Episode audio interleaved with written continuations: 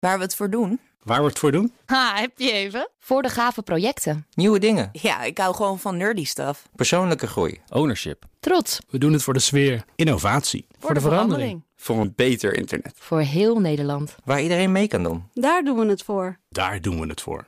Waar doe jij het voor?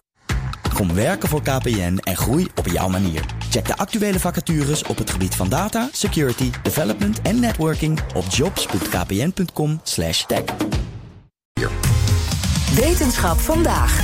Ja, niet met onze vaste redacteur Carlijn Meinders, maar met mijn fijne collega Martijn Rosdorf. Nina, welkom. Niet Hallo Nina. alleen met een fantastische kersttrui, dat mag wel gezegd worden, met een jasje eroverheen, maar ook nog met goed nieuws en blijde verwachtingen. Ja, want ik las mijn favoriete tijdschrift Nature. En, en daarin stond een hele lange lijst met eh, zaken waar wetenschappers uit alle disciplines zich op verheugen het komend jaar. Nou, ik dacht, dat laat ik eens even gewoon jatten, dat idee. Goed idee. En ik, eh, maar een beetje kleiner. Ja, oké. Eh, en dan waar kan ik rekening mee Nou, houden? ge- geen top 2000. Drie dingen waar Nederlandse wetenschappers eh, zich het meest op verheugen in het nieuwe jaar. Wat staat er op één? Dan weet ik dat eigenlijk. Mag ik dat al weten? Ja, ja, ja, ja. Het is niet echt een top 10 of zo, hoor. Het is een willekeurig. Maar op, Ja, één, ja, ja. Heb, op één heb ik het gezet. eh, Rob van den Berg, sterrenkundige.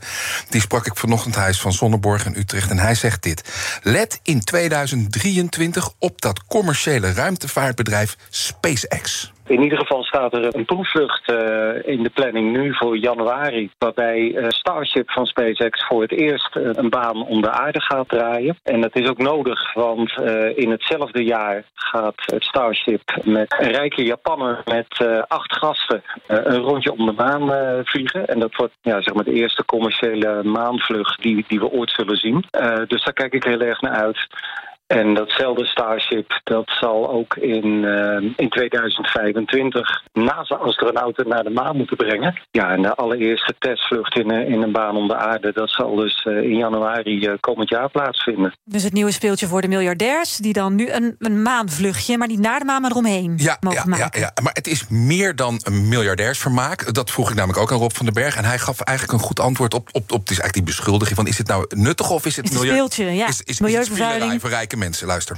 Dit heeft absoluut nut eh, in die zin dat eh, commerciële partijen als SpaceX... die zullen dit soort diensten, mensen naar de maan brengen... mensen in de ruimte brengen, eh, goedkoper kunnen dan dat de NASA dat doet.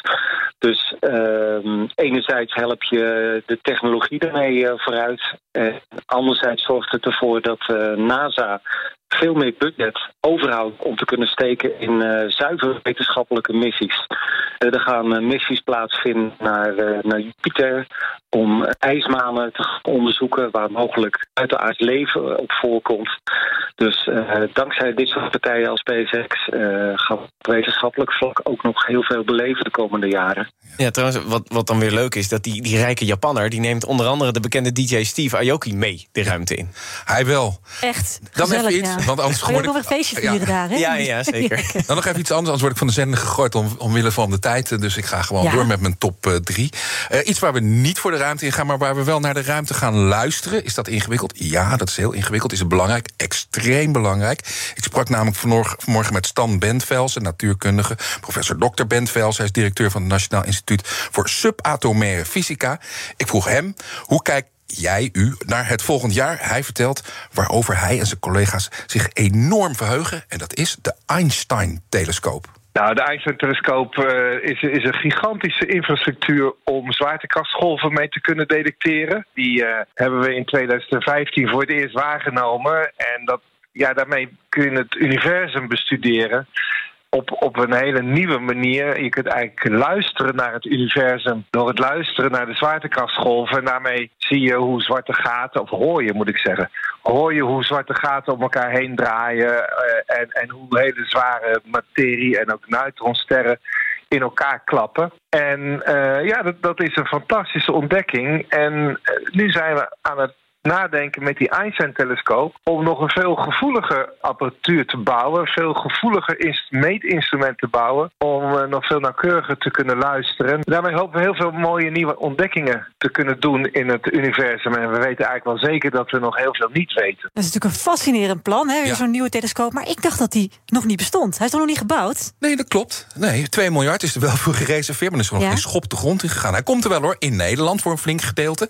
Eh, België en Duitsland ook een stuk. Onderzoek. 250 meter onder de grond, drie armen van 10 kilometer lang. Die moeten die signalen uit de ruimte gaan opvangen.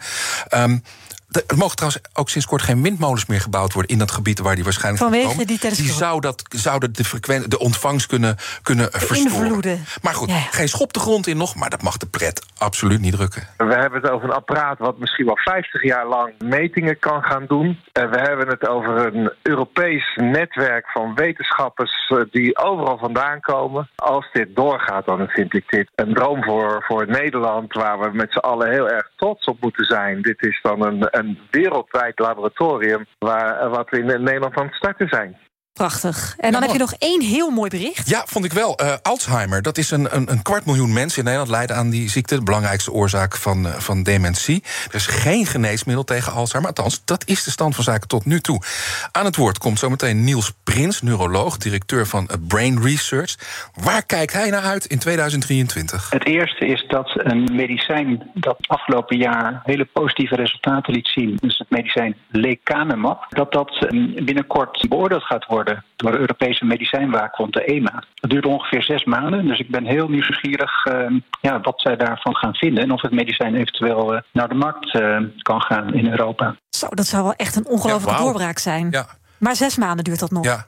Ja, en we horen het wel vaker, hè? Dan is het, soms is het een flop. Hè? En de laatste vorig jaar hoorden we, of dit jaar hoorden we ook nieuwsberichten over een middel tegen Alzheimer. Ja. Dat was een totale flop. Dat bleek niet te werken. Sterker nog, het was zelfs een beetje eh, gevaarlijk. Maar dit, dit is echt een ander middel. En de onderzoeken die beloven eh, goede resultaten. Nogmaals, Niels Prins. Nou, dit is wel anders. Dat eh, vorige medicijn waar je aan refereerde, daar was het lastige dat er twee onderzoeken waren, eentje positief en één negatief. En dat maakte de beoordeling zo ingewikkeld. Het medicijn waar het nu over gaat, dat lecanemab, eh, daar is voor het eerst een eh, fase 3 onderzoek, ja, ooit eigenlijk, wat op alle parameters positief was. Dat is voor het eerst ooit. Het is positief nieuws. Ik eh, probeer altijd termen als doorbraak te vermijden. Het, medicijnonderzoek dat gaat altijd met kleine stapjes.